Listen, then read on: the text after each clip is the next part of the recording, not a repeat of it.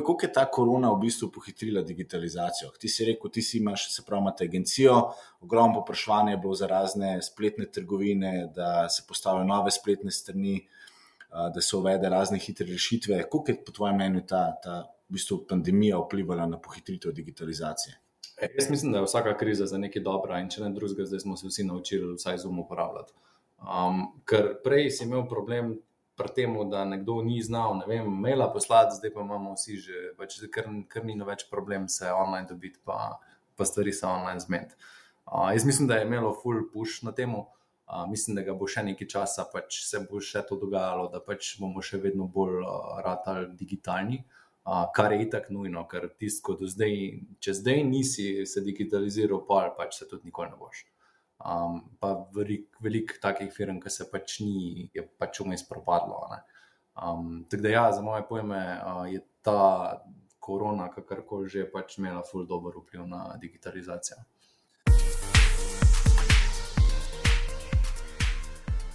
Dobrodošli v podkastu Beyond Leadership, kjer gostimo izjemne posameznike in odkrijemo nove dimenzije vodenja in njihove talente in recepte za uspeh. Danes je z mano ena zelo, zelo izjemna oseba, s katero sem jo jaz veliko čas delati, skoraj štiri leta v družbi BTC, v razvoju in inovacijah. Z mano je Robi Pritržnik, zdaj on ima res, res fascinantno zgodbo. Od tega, da je bil predavatelj na višji šoli, do tega, da je delal na, na oziroma bil na nizi glasbeni šoli, do tega, da je bil dolg časa full stack developer in ima res izjemne projekte za sabo, ki so bili veliki uspehi, do tega, da je zdaj postal lastnik svojega podjetja, CEO in ga vodi.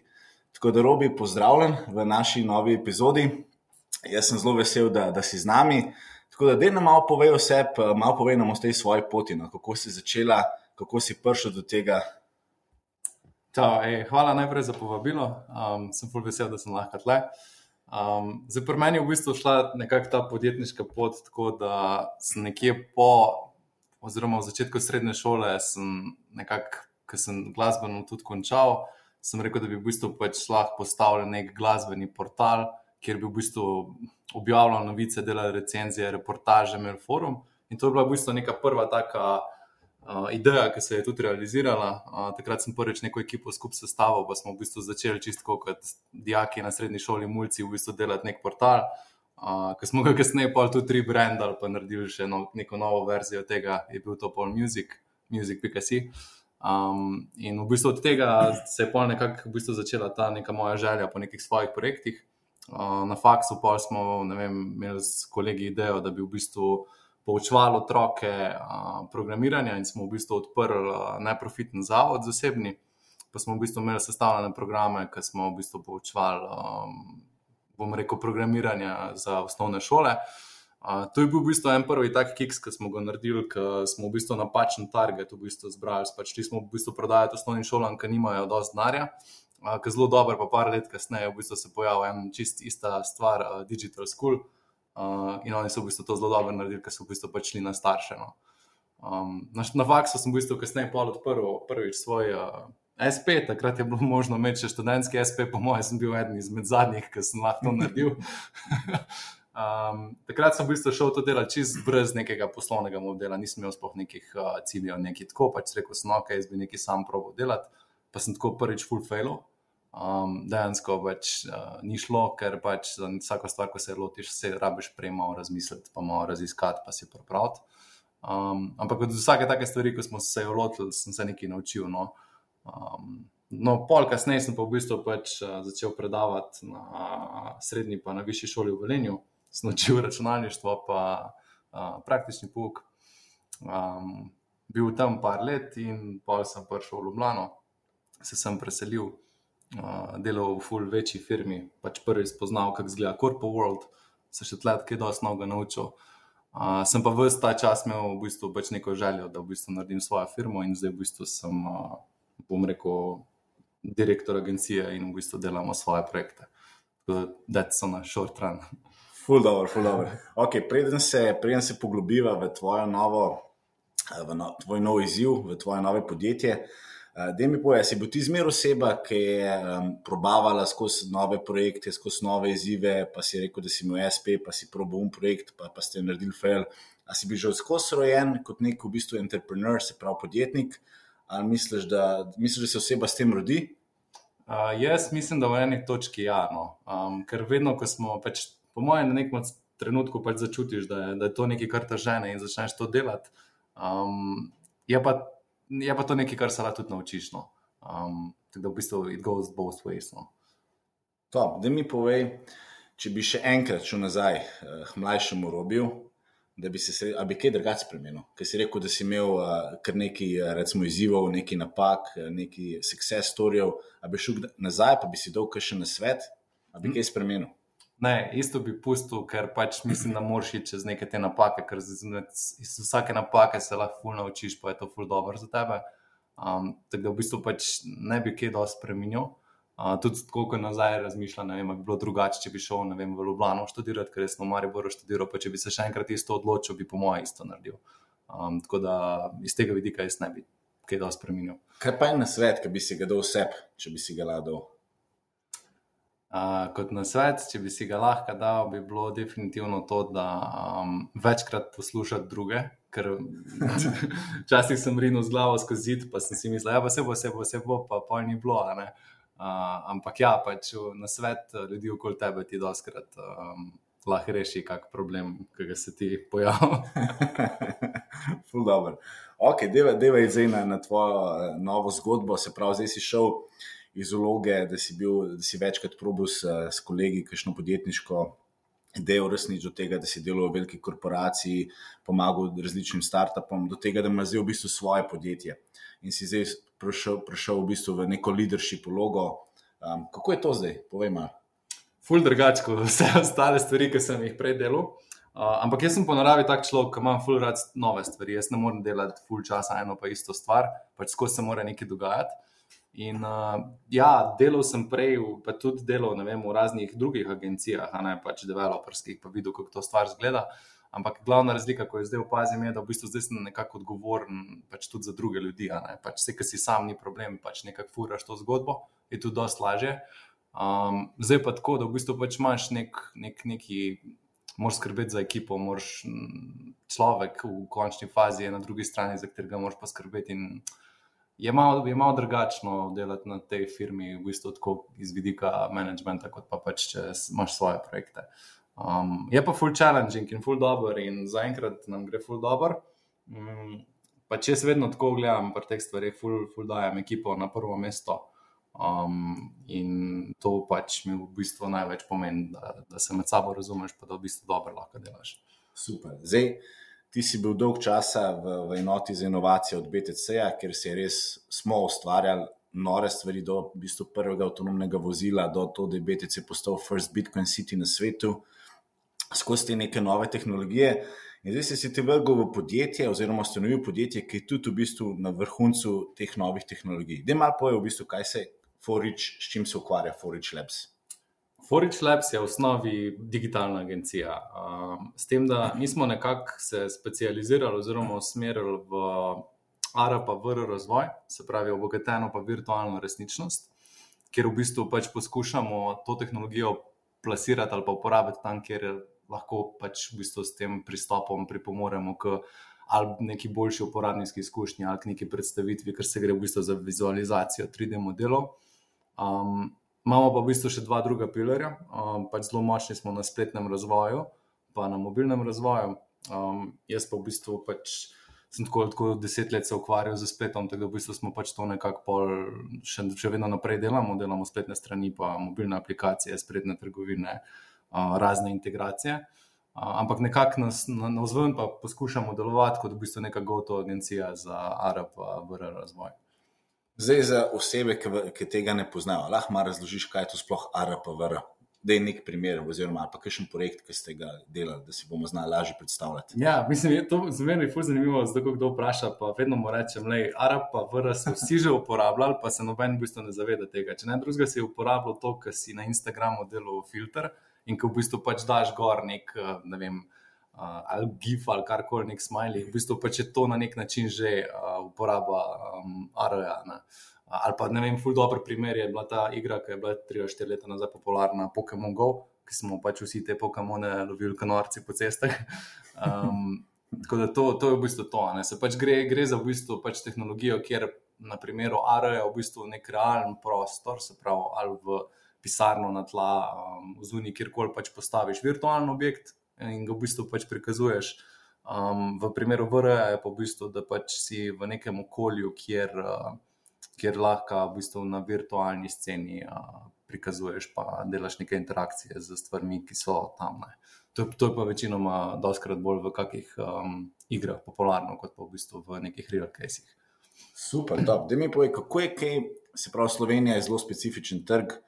Um, kako, pa, kako smo pa pri nas kaj dovzetni za te nove tehnologije?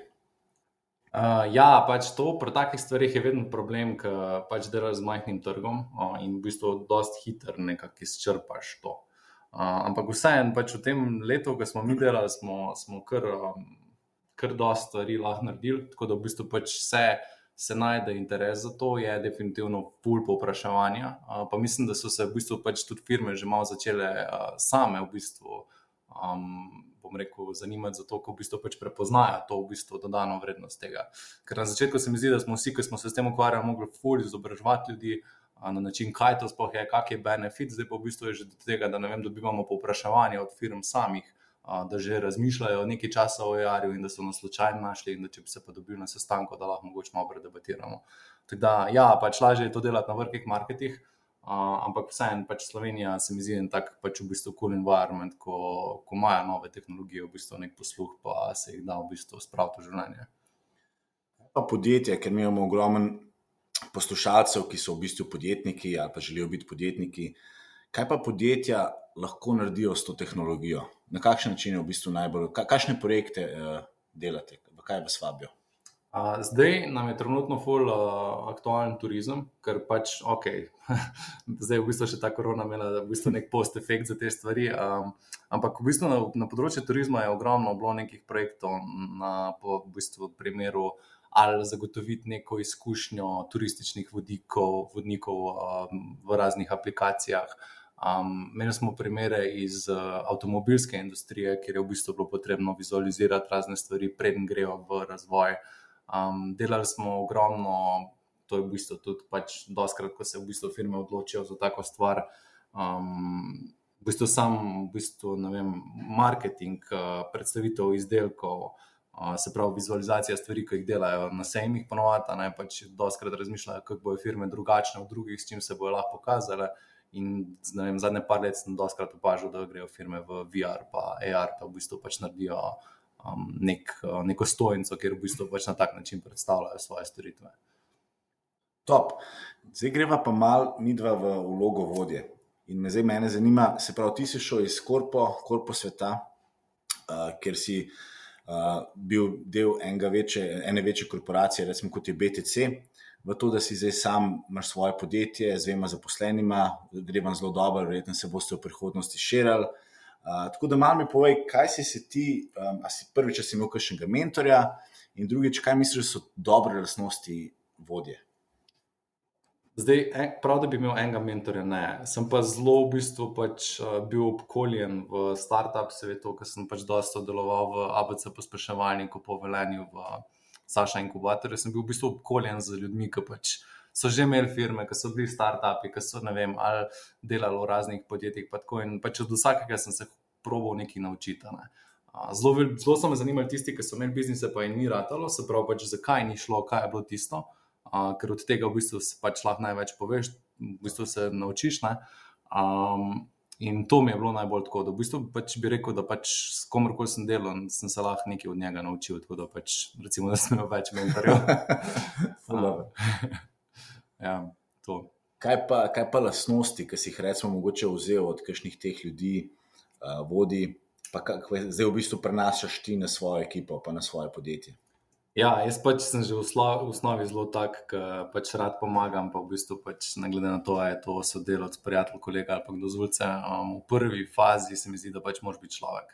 Um, ker tudi na drugi strani pač delaš z, z nekom, ki pač ima svoje želje, kakorkoli. Um, predvsem moraš biti na voljo, um, to je doskrat ful velik problem, uh, pa moraš znati poslušati. Uh, pa še bolj v bistvu tega, ko pač je to, da, v bistvu, um, da se ne daješ neke prevelike titule, da v bistvu pač veš, da je ekipa v spredju, da delate skupaj za en cilj. Uh, in to je tisto, kar v bistvu pač jaz tudi doskrat hočem izpostavljati, da pač ekipa je vedno pred posameznikom in posameznik pa valjda pač uh, je tako močen, kot je ekipa. Ne? Tako da ja, no, to, to nekako no, se mi zdi najbolj pomembno, da, da znaš pač poslušati in skrbeti za, za svoje zaposlene. Dobar, kako je bilo pa prvi v času korone, ste bili bolj, katere medije ste uporabljali, kako ste komunicirali? Ja, mi smo v bistvu, mi nismo nobene razlike opazili, ker smo tako, tako že uh, bili uh, online. Um, je pa res, da v bistvu tekom tega, te korone smo v bistvu mi štartali en projekt, ki smo v bistvu pač firmam brezplačno pomagali, pa v bistvu jim pomagali vzpostavljati um, v bistvu pač te delovne procese. Pač mi konstantno komuniciramo na Telegramu, mi si mailov med sabo ne pošiljamo, ker je pač jaz maile imam samo za komunicirati na zven. Um, tako da v bistvu pač smo online skozi na Telegramu in to je v bistvu pač naš uh, komunikacijski kanal. Um, smo pa, ja, to, ko sem omenil, da smo pač drugim pomagali, smo pa naredili en čisto enostaven blog, delam doma.si, pa smo gor v bistvu nametali članke, kaj, kako se, ne vem, skupno delo na dokumentih, kako se povezati, kako so, vem, na Skypeu, na Zoomu, te stvari. Uh, pa smo v bistvu dobili full povpraševanja od raznih podjetij, od nekih glasbenih šol, ki je ena učila, ne vem, violino, kako zdaj to online lahko dela, pa do ne vem, nekih firm, ki so bile v logistiki, kako se lahko zdaj organizirajo, da bo do, od doma, pa smo jim v bistvu pač brezplačno v tem času pač pomagali vzpostavljati te procese. Ful dobro, ful dobro. Poj, to, to mi je bilo zanimivo, ker si izpostavil, da imaš komunikacijo na zven maile, se pravi komunikacijo z ekipo pa Telegram. Pa misliš, da je to um, predvsej bolj učinkovito, da to tudi v bistvu pohitri stvari? Ful to pohitri stvari. Uh, pač edina stvar, kjer moraš biti pač pripravljen, pa to kot prti, je, da pač kdaj se tudi v nedeljo ob treh popoldne pogovarjaš na čatu. Um, zakaj je to ful dobro? Zato, ker pač v mailu noter so vsi, pač v inboxu imaš ti od vseh mailov in pač pol filtrirati tam na, na svoje, pa na zunanje je tako, pač you get lost. Uh, plus tega, vsi imamo mail, ga prebereš, pa si misliš, da boš kasneje odgovoril. No? Če pa na četu je pa to pač pogovor, ki je real time, poteka tam in se fulh hitreje določene stvari zmeniš. Um, tako da to mi že v bistvu od samega začetka pač prakticiramo in, in je zakon. Top. Zdaj greva pa na en projekt, um, ki ti misliš, da te je streljil. Posebej pa dotaknila mogoče enega projekta, ki je zdaj le, ki, ki je rado fenomen, ki si ga ti naredil, si bil njegov oče. Tako da, je to ta projekt, ki te je streljil, ali imaš še kakšen drug projekt, ki te je v bistvu zdaj izstrelil, pa so te ljudje začeli opažati, pa, pa v bistvu kontaktirati? Ja, prej, v bistvu nismo zaradi enega projekta sploh nastali. Pač smo, jaz sem v bistvu predtem imel uh, svoj SP in pač toliko dost freelancov okol. In sem nekako prišel do enega posla za pač neko večjo firmo. Um, pa smo v bistvu takrat porazmišljali, ok, ja, če bomo to, itak sem vedel, da sam tega ne bom mogel delati. Um, In ideja je bila pol taka, da v bistvu sem pač šel do dveh sošolcev, ki smo bili na faksu skupaj. Sem rekel, hej, le tole mama, bi mi to skupaj delali. In pa smo vse neki računali, pa gledali, bi zdaj vsi trije imeli SP ali kaj. In pa sem jaz rekel, hej, dej pač, ko pa če probamo kar narediti svojo firmo in smo odprli firmo. In v bistvu zaradi tega projekta je v bistvu Forage Lab sploh nastal. Um, vse je pa v bistvu pač šlo tudi za aro področje. Um, in zaradi tega smo pol v bistvu celo zgodbo Furič Labsa sploh začeli uh, razvijati. No.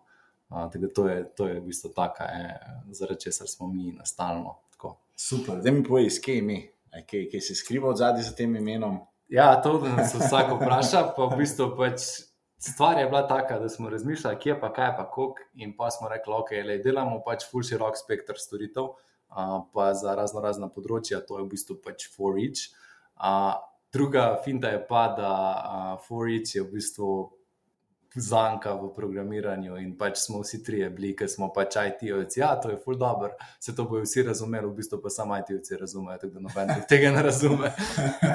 to je pol, na vzven prodajamo pač to zgodbo, da ja, pač so storitve za vse pa na različnih področjih in naj to, ok, ne bo. Ne?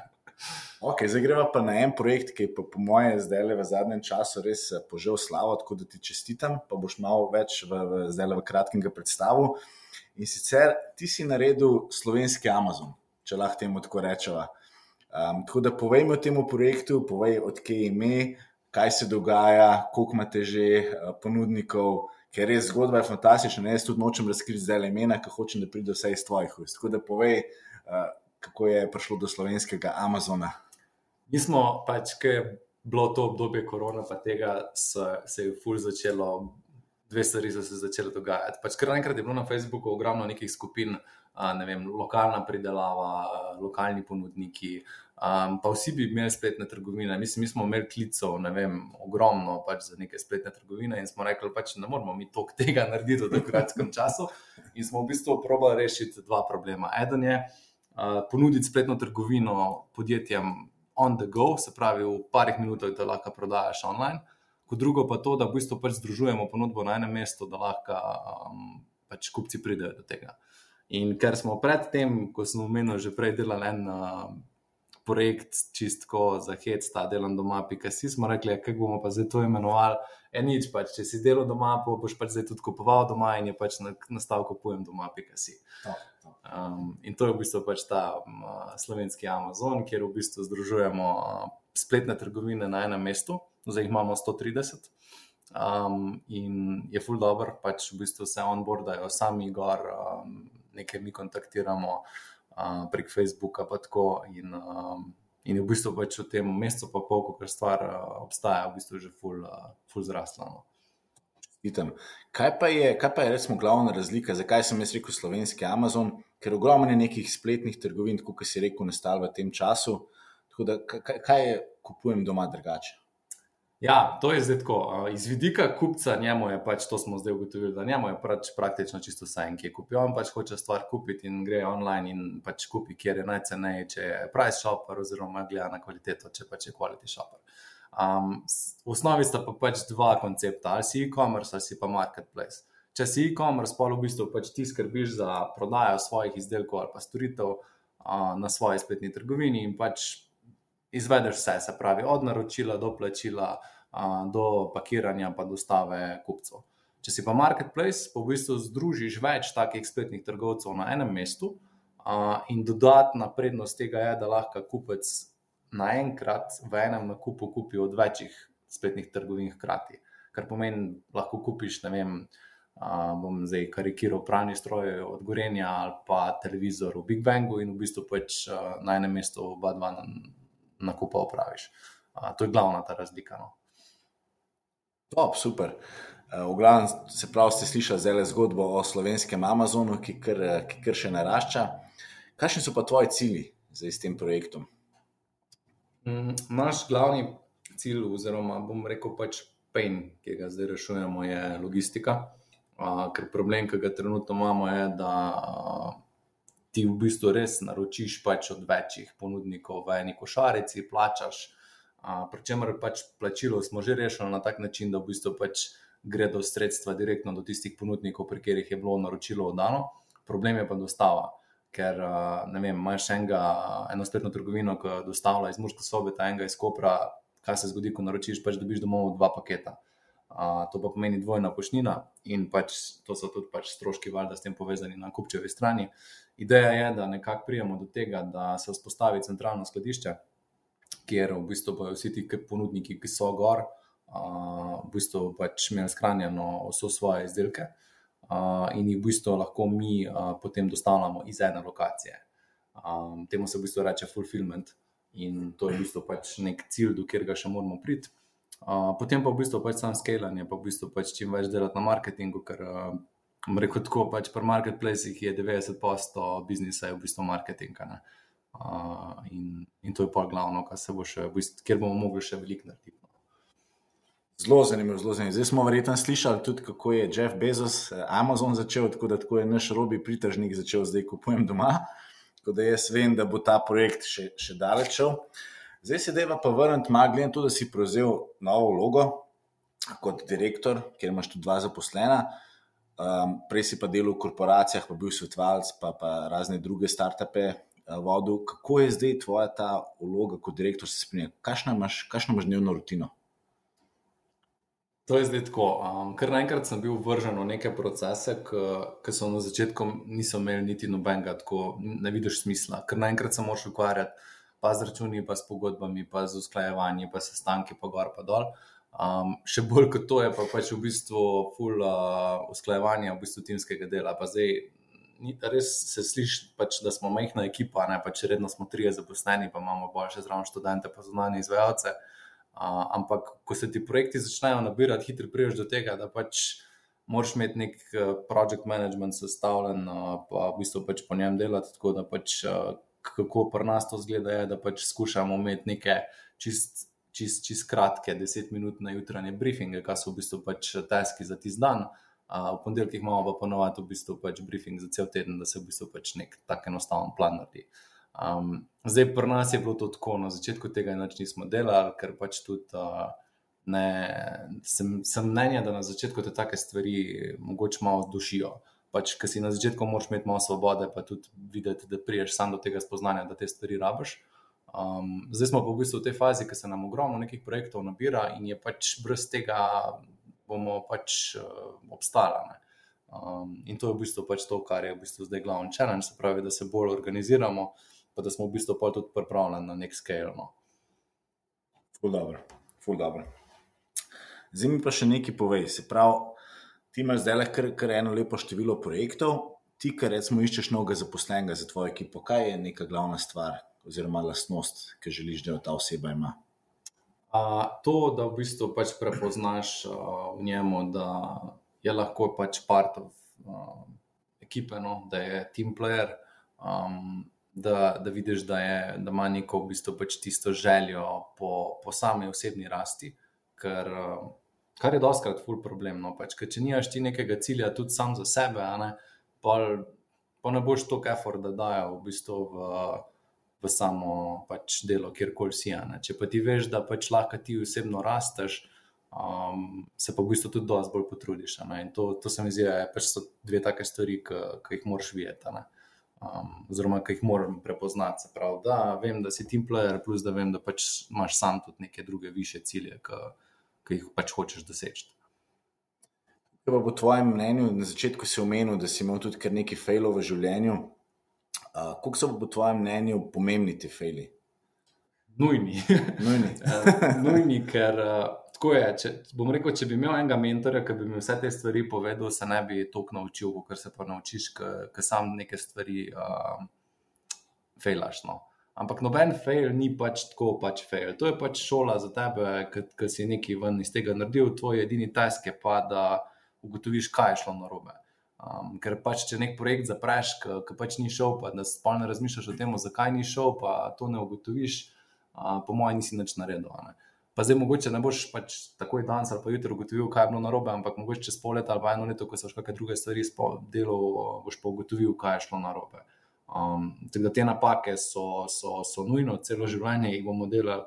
Je pa res, da kadarkoli kasneje, ko boš šel delati te napake. Uh, boš pač bolj robusten pri v bistvu reševanju teh problemov. Um, pa tako je, no, nekdo, ki je ekspert, je pač v bistvu sam nekdo, ki je res naredil vse te napake in je šel čez njih. Se, se popolnoma strinjam, res se mi zdi, da se pravi, if you fail, fail fast, iz napak se največ noščimo. Zdaj me pa zanima, ti si imel zelo, zelo dobro službo v korporaciji, v družbi BTC. Kako to, da si se odločil, da bi šel v, v svoje podjetje? ker to večinoma ogromno ljudi to zanima. Veliko podjetnikov se ponovadi ne odloči za to. Kako da si se odločil, kaj bo ta prelomna točka? Jaz sem od nekdaj v bistvu pač imel željo imeti nekaj svojega. In pač trajalo je pa nekaj časa, da v bistvu pač se zbildaš to, da, da prvič imaš toliko izkušenj, da greš kaj takega, pa da v bistvu pač sploh imaš možnost uh, pač pridobivanja posla. Ne. Um, in ja, pač doskrat me ljudje vprašajo, ja, pa si si imel full fine službo. Meni je bilo top, meni je bilo full zakon v BTC-ju.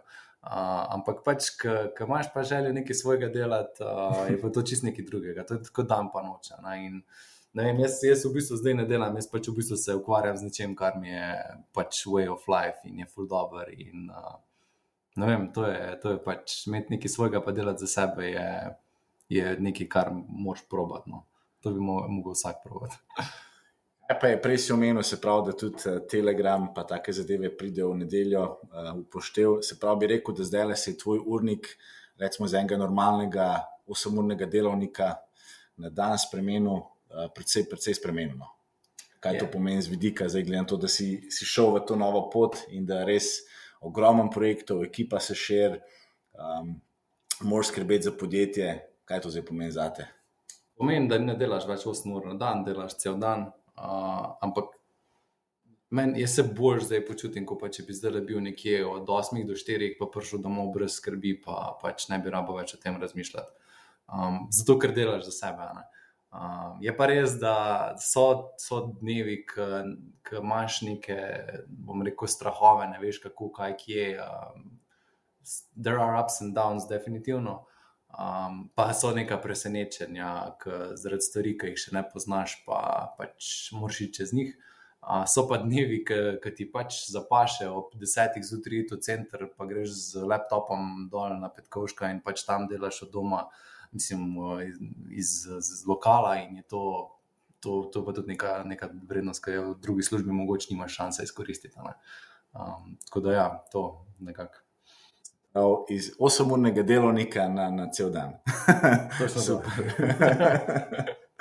Da mi povej, kako je ta korona v bistvu pohitrila digitalizacijo? Ti si rekel, ti si imaš, se pravi, imate agencijo, ogromno popraševanje je bilo za razne spletne trgovine, da se postavijo nove spletne strani, da se uvede razne hitre rešitve. Kako je po tvojem mnenju ta, ta v bistvu, pandemija vplivala na pohitritev digitalizacije? E, jaz mislim, da je vsaka kriza za nekaj dobra in če ne drugega, zdaj smo se vsi naučili vsaj zum uporabljati. Um, ker prej si imel problem pri tem, da nekdo ni znal, ne vem, maila poslati, zdaj pa imamo vsi že, pač, ker, ker ni več problem se online dobiti, pa, pa stvari se online zmed. Uh, jaz mislim, da je imelo full push na tem. Uh, mislim, da ga bo še nekaj časa, pač se bo še to dogajalo, da pač bomo še vedno bolj uh, ratali digitalni. Uh, kar je itak nujno, ker tisto, do zdaj, če zdaj nisi se digitaliziral, pa pač se tudi nikoli ne boš. Um, pa veliko velik takih firm, ki se pač ni, je pač vmes propadlo. Um, tako da, ja, za moje pojme, uh, je ta korona, kakorkoli že, pač imela ful dobro vpliv na digitalizacijo. Máš pa ti s svojimi zaposlenimi, vse vemo, da zaupanje je zelo pomembno. In zdaj se, če dalje več govori, ogromno podjetij bo šlo v delo nadaljavo, oziroma delo od doma. Ogromno bo nekega zaupanja, ne bo več toliko nekega naziranja.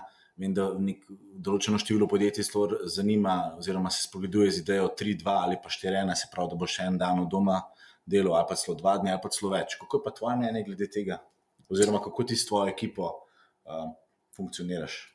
Mi smo, mi smo v bistvu štartali, uh, pol, bom rekel, pač bili smo prej full time, vsi od doma, uh, pa smo pa šli na varianto, da vem, smo bili en dan, dva dni v pisarnah. Um, kaj se je vmes zgodilo, je, da hitro ugotoviš. Jaz sem bil ogromen, mislim, bil full velik zagovornik tega dela od doma in da v bistvu pač ne rabiš nikjer sedeti. Pa sem ugotovil, da to res ni čistek dober, pa čistek fajn.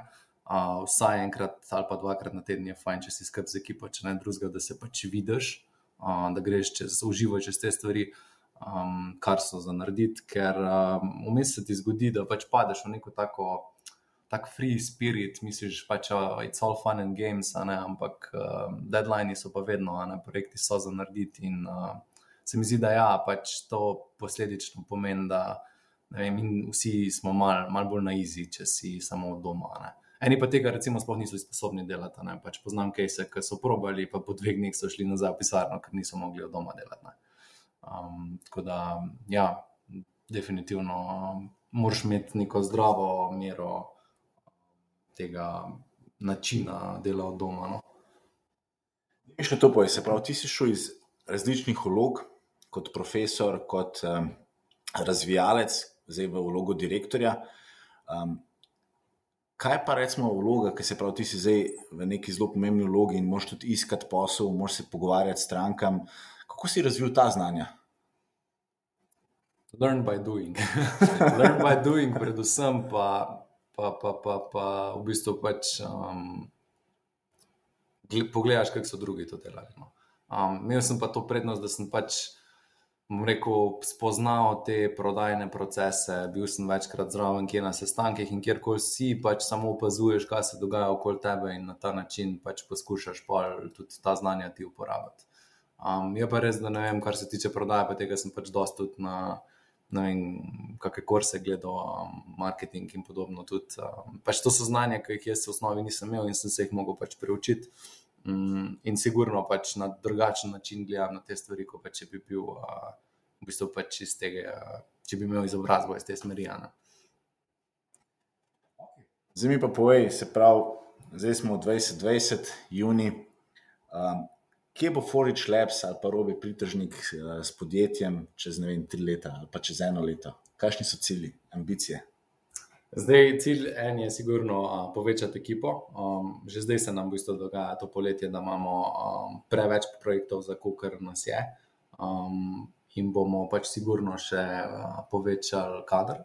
Um, tle bo pač pol tudi v bistvu, pač se bo mal način dela spremenil, ker nas bo več. Pač tle smo zdaj bili tri kolegi, ki se razumemo med sabo, pa bo sigurno nek zunanji zraven, ki bo pač mogel se vklopiti zraven. Pa bo pač malo drugače. Um, pač definitivno bomo skelali vse. Um, ne mislimo pa iti pač v neko preveliko firmo, ker uh, hitro priješ pa do tega, da ko dosežeš nek threshold, pač pa tudi narasteš več to hitro, sploh pri pr agencijskih, pa pri servis biznisu. Um, tako da to je ena stvar, druga stvar je pa v bistvu pač kupujem doma, ker se bo v bistvu spin-offal v novo firmo. Uh, in se bo v bistvu pač tam čist uh, posebej pač spostavil proces dela, pa ločeno. Tako da to, ta projekt pa ne bo več pod Forič Labsom, ampak bo pač na ločeni firmi. To so neki cilji za zdaj. No. Top. Ok, zdaj, zdaj pa mi povej, če, imamo, če bi imel ti pred sabo skupino študentov uh, ali pa mladih podjetnikov, um, ki se odločajo za podobno karjerno pot, kot si jo šel ti, kaj bili trije glavni nasveti, ki bi jim dal? Sprobati čim več stvari. Uh, ne smete biti strah, uh, failat, pač ker strah bo naredil samo eno stvar in to, da te bo pač držal nazaj, pa da pač ne boš naredil nečesa. To je tako, ko pač ko hočeš punco vam povabiti na kavo, pač jo moraš povabiti. Mislim. To moraš, to je pri biznisu isto. Zanimivo, super. Uh, tako da to, uh, in pa ja, čim več stvari sprobati, pa, pa ne se, se bati uh, delati napak, ker se ful veliko uh, iz tega naučiš. Dobro, hvala. No, ste slišali, te tri nasvete si res pametno zapomniti.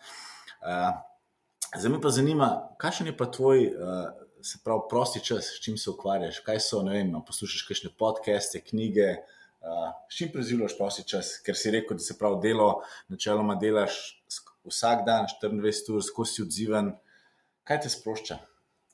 Uh, sprošča me sigurno glasba, um, pač ja, jaz igram kitaro pa klavir uh, in uh, to je sigurno ena stvar, ki mi ki me pač pol odklopiš totalno in pač imaš tisti moment za sebe. Um, to je definitivno nekaj takega, no, kar mora vsak imeti, pač eno stvar moraš imeti, da se malo odklopiš. Tako da pri meni je pač to kitara. Um, drugače pa ja, pač rad hodim ven naravo, um, zdaj ta management, pa vse ta, ta v bistvu pač način dela me je pripravil tudi do tega, da sem se začel zdaj s fitnessom ukvarjati um, in je top. Um, pač ponovadi imam zmeraj zjutraj izgleda premen tako, da vem, se zbudim relativno zgodaj, ponovadi sem 6:50, že fully operational. Um, in pol, ne vem, nek stretching, pa ponovadi imam pol zjutraj fitness, uh, tudi da sem pol do devetih že v pisarni in je full dobro feeling, ker si, ki priješ v pisarno, pa veš, da si že nekaj naredil. No. Uh, in to je v bistvu pač tisti čas, ki doskrat pa tako imaš malo razmišljati uh, o stvarih, pa tako za sebe. Ne. Mislim, da je dobro, to si dobro izpostavil, um, ker ogromen, bom rekel, uspešnih ljudi ima neke te dnevne rutine, oziroma ima kakšen trening zjutraj, da se napolni z energijo. Mislim, da je to tudi neka formula za uspeh, da ti da po ta zagon, da si še bolj aktiven čez dan, se pravi, da imaš neko športno aktivnost. Ja, mislim, jaz prej se ful nisem športom ukvarjal, pa mi je bilo to tako, uh, zdaj pa vedno več, zdaj pa vse. um, in zgleda, da je nekaj na tem. No. Vsaj jaz sem pri sebi opazil, da to, da mi da to ful, ful energije, ful puša in uh, ne veš, če ne sprobaš. Tako. Zdaj mi pa opiš um, tvoj ponedeljek. Kako se začne? Pa začniva kar s tem, ko ostaneš do tega, greš na trening, pol ne vem, priješ v službo, cilji. Tako da greva kar tvoj tipičen ponedeljek. Ja, uh, okoli ponedeljka je fully zanimivo to, ker vsi so vražili ponedeljek. Jaz ne vem, kaj je ponedeljek pač folko naredil. Pač, tako pač, nič ni bed pri ponedeljku. Um, je pa tako, pri meni v bistvu pač imam, se pravi, zjutraj pač v ponedeljek imam uh, fitness, grem na trening. uh, prijemo v pisarno, vmes v bistvu že razmišljam, kaj imam na to dujih. Daj, daj priješ v pisarno, da malo vidimo, kako zgodaj začneš že, že razmišljati in kreirati. Uh, Ponavadi sem tako 38 ali pa 48 v pisarni. Uh, je pa to bolj pač tako. Včasih pač imamo še zjutraj še kakšno kavo, pa pač kasneje ni to neko pravilo pri nas. Um, Polka, prijemo v pisarno, um, grem čez uh, v bistvu pač neke te teske, čez koledar, kaj je odprtega, uh, naredimo briefing uh, med sabo z ekipo, da vidimo, kje smo s projekti, kaj je v bistvu za ta teden. Ponovadi imamo pa tudi v bistvu še malo um, brainstorminga za stvari, ki so odprte, da naredimo tako, da v bistvu pač ponedeljek je bolj rezerviran za neko planiranje stvari, kaj se bojo dogajale čez teden. Um, pa pa v bistvu, ko pač te stvari porihtamo, uh, pa pademo v bistvu pač v ta work zone uh, in je dost, uh, dost rata divje, ker stvari vmes letavajo. Pač, tudi, ki je koledar, pač to nič ne pomeni, a ne se ti pač stvari zamikajo, premikajo in, uh, in ja, no, tako pač pol se začne ta delovni teden. Um, ok, Zdaj, ti si kreiral ogromno nekih uh, zanimivih projektov, zdaj imaš res dva projekta, ki sta te katapultirala. Um, kupujem doma je projekt, ki je, oziroma ratuje slovenski Amazon, kjer boš res združil, oziroma želi združiti in postaviti tudi Slovenijo, mogoče malo na zemljevid. Um, zdaj mi pa sam še povej, greva neko zaključno misel, ki bi je namenil vsem našim poslušalcem, od tega, da, da, da ti naredim pritisk, da te poslušajo direktori predsedniki uprav, študentje, akademiki. Tako da neka zadnja misel, ki bi jo namenil, zdaj lahko je to na svet, lahko je to nekaj, kar si se naučil, neka izkušnja. To eno isto podobno vprašanje sem že enkrat dobil. Um, pa, sem, pa sem tako prav razmišljal, kaj, kaj je ena taka stvar, ki pač lahko paše za vse te stvari. Ampak, um, jaz bi rekel, da pač vsi moramo biti uh, v prvi fazi ljudje, karkoli delaš se pravi, pač bod človek, razume, razum tistega, s kom delaš, a, ker pa to deli dobro, ker pač z, z dobrim se dobro vrača. In a, če boš v bistvu pač te stvari počel, pa mislim, da, da ni nekih ovir, a, da ne bi pač kakorkoli uspel. No. Super, hvala. Jaz bi se ti rad zahvalil, Robi, za, za ta najn podcast, intervju. Res ogromno nekih norih informacij smo dobili, želim ti veliko sreče, veliko uspeha. Jaz vem, da te bomo še spremljali, vem, da se bo še veliko stvari dogajalo s Forage Labsom, sem kar zelo, zelo navdušen in res komi čakam. Tako da res še enkrat hvala, ker si prišel na nas podcast Beyond Leadership. Um, tako da veliko sreče v življenju, veliko sreče na vseh novih projektih. Hvala. Hvala. Spremljajte nas na vseh 13 kanalih, kot so Spotify, Apple, Google, Castbox in pa tudi YouTube, LinkedIn, Instagram in pa Facebook, kjer imamo že ogromno skupnost, kjer nas je preko 2000. Imamo pa tudi novo spletno stran beyondleadership.se. Se že veselimo vaših novih poslušanj in pa dogodivščin.